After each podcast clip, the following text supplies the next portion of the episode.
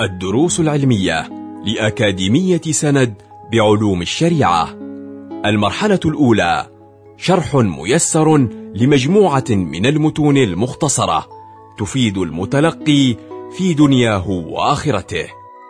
مقرر الإحسان والتزكية شرح منظومة رياضة الصبيان مع الشيخ عمر زعازع. الحمد لله رب العالمين والصلاة والسلام على أشرف الأنبياء والمرسلين سيدنا ونبينا محمد وعلى آله وصحبه أجمعين سبحانك لا علم لنا إلا ما علمتنا إنك أنت العليم الحكيم ومواصلة لما وجه إليه الناظم رحمه الله تعالى في منظومته رياضة الصبيان حيث وصلنا إلى آداب اللباس. قال رحمه الله وأن يجنبه فنون الزينة وجملة وجملة الملابس الرزينة وليكسه لو لون بياض القطن حتى به عن غيره يستغني.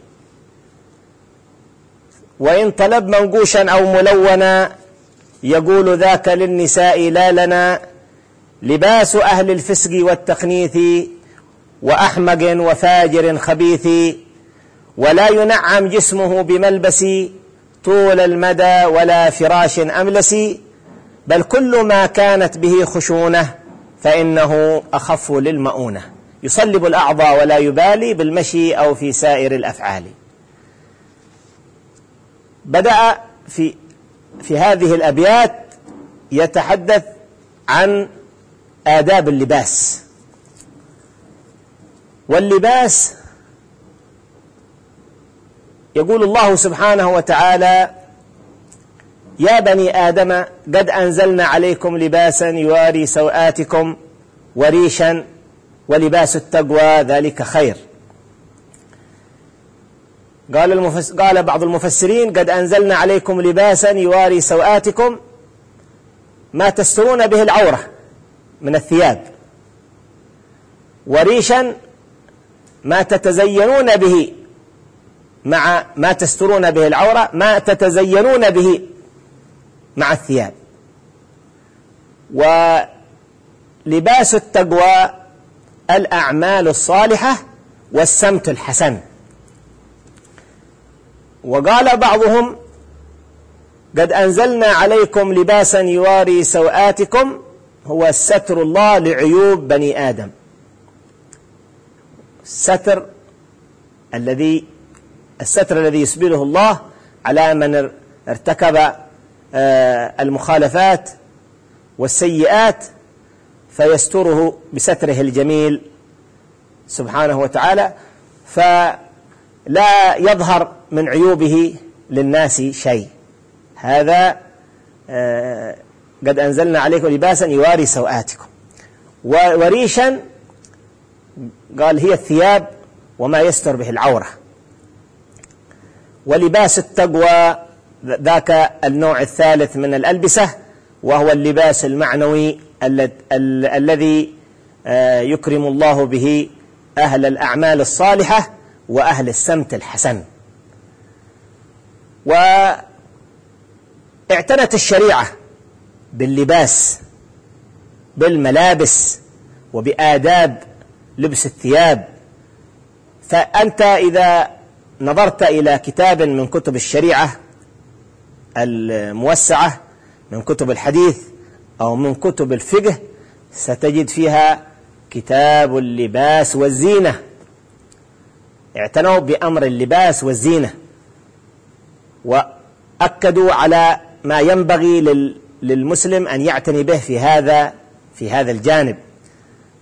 فلذلك يوجه الناظم رحمه الله في في هذه الأبيات يبين دور دور الأبوين في تقويم النظرة لأبنائهم حول الثياب وحول الملابس.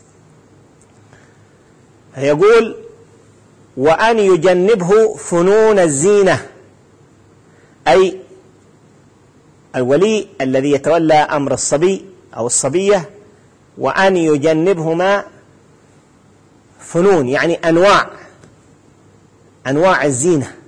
والزينة معناها تحسين الشيء بغيره وتنقسم إلى قسمين زينة حسية وزينة معنوية. زينة ظاهرة وزينة باطنة. فالزينة الظاهرة هي تحسين الشيء بغيره. الزينة الظاهرة التي تظهر للإنسان هي بهجة العين التي لا تصل إلى باطن المزين. هذه زينة. فلهذا يهتم الإنسان بها بنيات صالحة يهتم بهذه الزينة بالنيات الصالحة. فيلبس الثياب ناويا امتثال أمر الله سبحانه وتعالى القائل يا بني آدم خذوا زينتكم. يا بني آدم خذوا زينتكم عند كل مسجد. يتزين في في في كل وقت في في في في الأوقات التي يطلب منه التزين فيها ويتأكد منه الزينة إذا عند إرادته للصلاة والمثول بين يدي الله سبحانه وتعالى. هذه الزينة. وينتبه للآداب المطلوبة مع اللباس.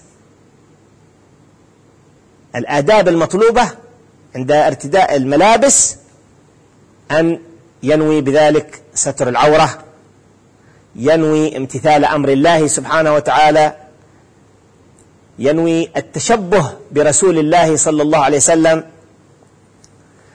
يكون من النيات أن لا يقصد التشبه بالكفار ولا الفجار ولا المغضوب عليهم. لقول النبي صلى الله عليه وعلى آله وصحبه وسلم من تشبه بقوم فهو منهم. فيغرس المربي في عقل وذهن الولد حسن النيات في ارتداء الثياب. وإنما زكت أعمال الصالحين بالنيات. زادت ونمت وتباركت بالنيات الصالحة. ويقيم النظرة الصحيحة عند الناشئة والأولاد تجاه الملابس والثياب. فيجنبه فنون الزينة آه، لأن لأن الولد في كبره تكلم على الصبي في كبره. إذا بدأ ينظر إلى مسائل الزينة ويتعمق ويتكلفها ويبالغ فيها ربما جرته شيئا فشيئا إلى أن يستحسن آه، زينة غير المسلمين غير الصالحين غير الأخيار. فإذا لاحظ المربي هذا من الولد ينبهه لأن الشيطان له خطوات في أخذ القيم والمبادئ من المسلم. فلا يوقعه من أول مرة في الخطأ ولا في المخالفة وإنما يتدرج شيئا فشيئا حتى يجعله آه، يخرج من طريق الصواب في ملابسه وفي آه، كثير من أحواله. قال الله سبحانه وتعالى في القرآن العظيم يا أيها الذين آمنوا لا تتبعوا خطوات الشيطان. لا تتبعوا خطوات الشيطان.